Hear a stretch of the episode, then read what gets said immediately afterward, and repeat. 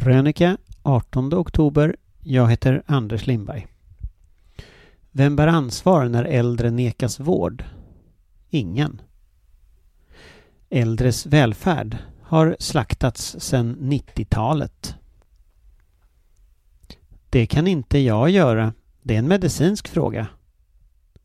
Svaret från Anna Stabrink, Liberalerna, i Maciej Zarembas stora granskning i DN om varför så många äldre dog i Region Stockholm gör lite ont. Zaremba har hittat ett papper med medicinska prioriteringar där vissa äldre ska nekas sjukhusvård och ber henne förklara. Citat, vissa patientkategorier ska under covid-19-pandemin inte styras till akutsjukhusen, läser Maciej Zaremba högt för Anna Stabrink. Hon verkar inte ha läst, än mindre förstått.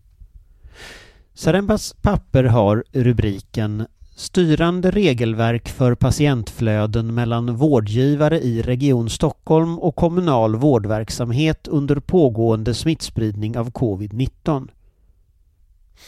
Först ville regionen hemligstämpla dokumentet i strid med grundlagen.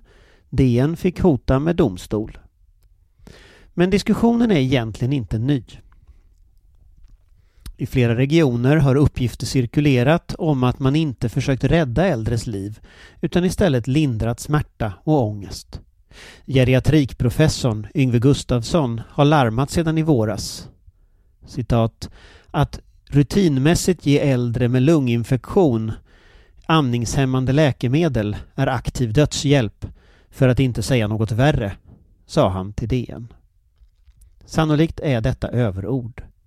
Vårdpersonalen har följt de direktiv som funnits och gjort sitt bästa för att ge god vård. Yngve Gustafsson målar med en för bred pensel. Men det intressanta med Maciej Zaremba är själva pappret. Och därmed ett potentiellt svar på frågan Vem är ansvarig för prioriteringarna på systemnivå? Ingen verkar vara svaret. Eller möjligen alla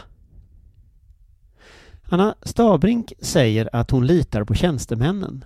Men på direkt fråga verkar inte heller de ha förstått konsekvenserna. Machesaremba vore inte Machesaremba om han inte lyckats hitta en socialdemokrat att peka ut.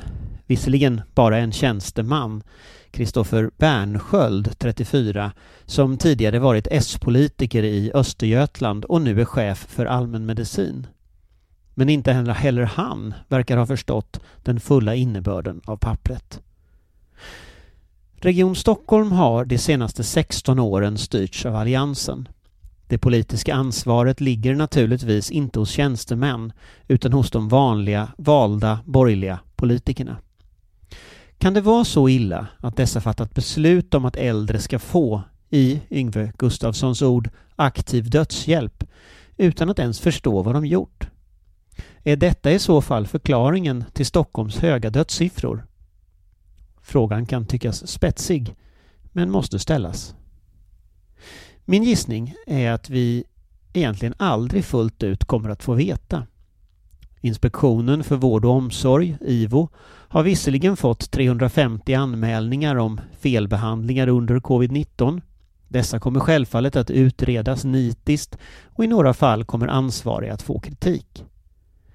Men det som hänt är knappast orsakat av enskilda politiker eller tjänstemäns beslut eller felbedömningar. Det är så här svensk sjukvård fungerar. Det är ett oöverskådligt och avreglerat lapptäcke av nivåer, revir och kompetenser. På sätt och vis är det samma problem med äldreomsorgen.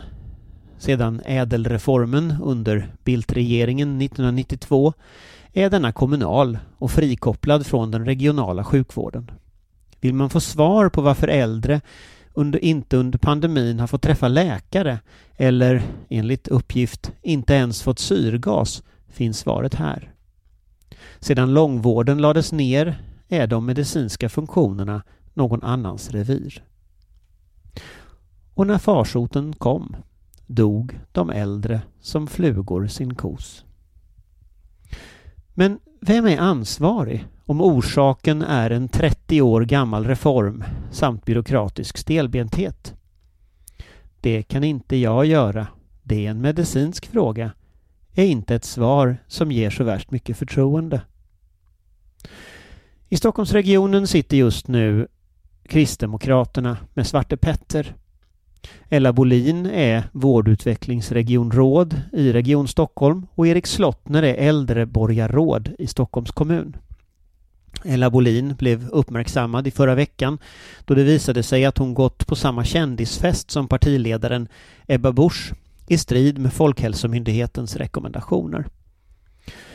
Ja, så här i efterhand kanske jag borde avstått, sa hon till Aftonbladet.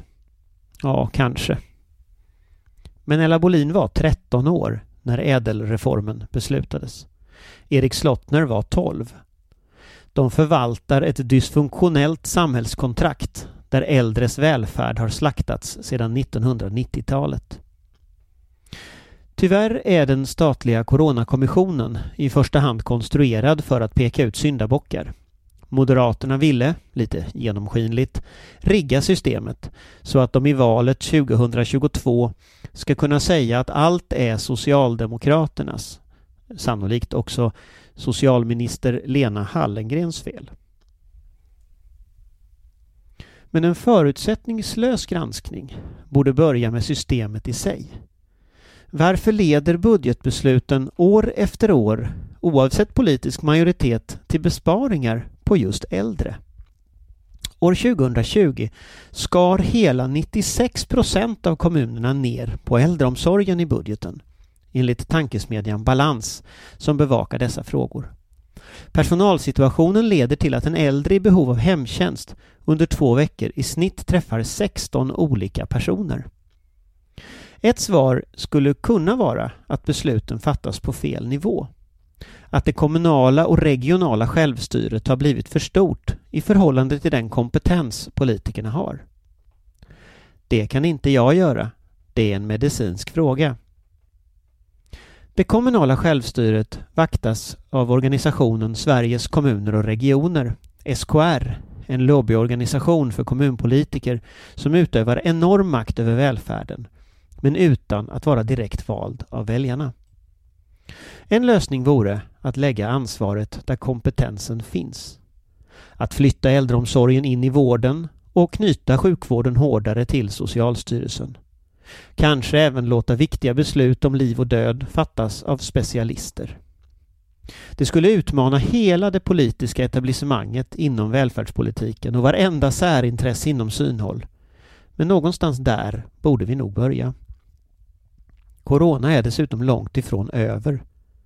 I veckan rapporterade TT att antalet inlagda på IVA har fördubblats på en vecka.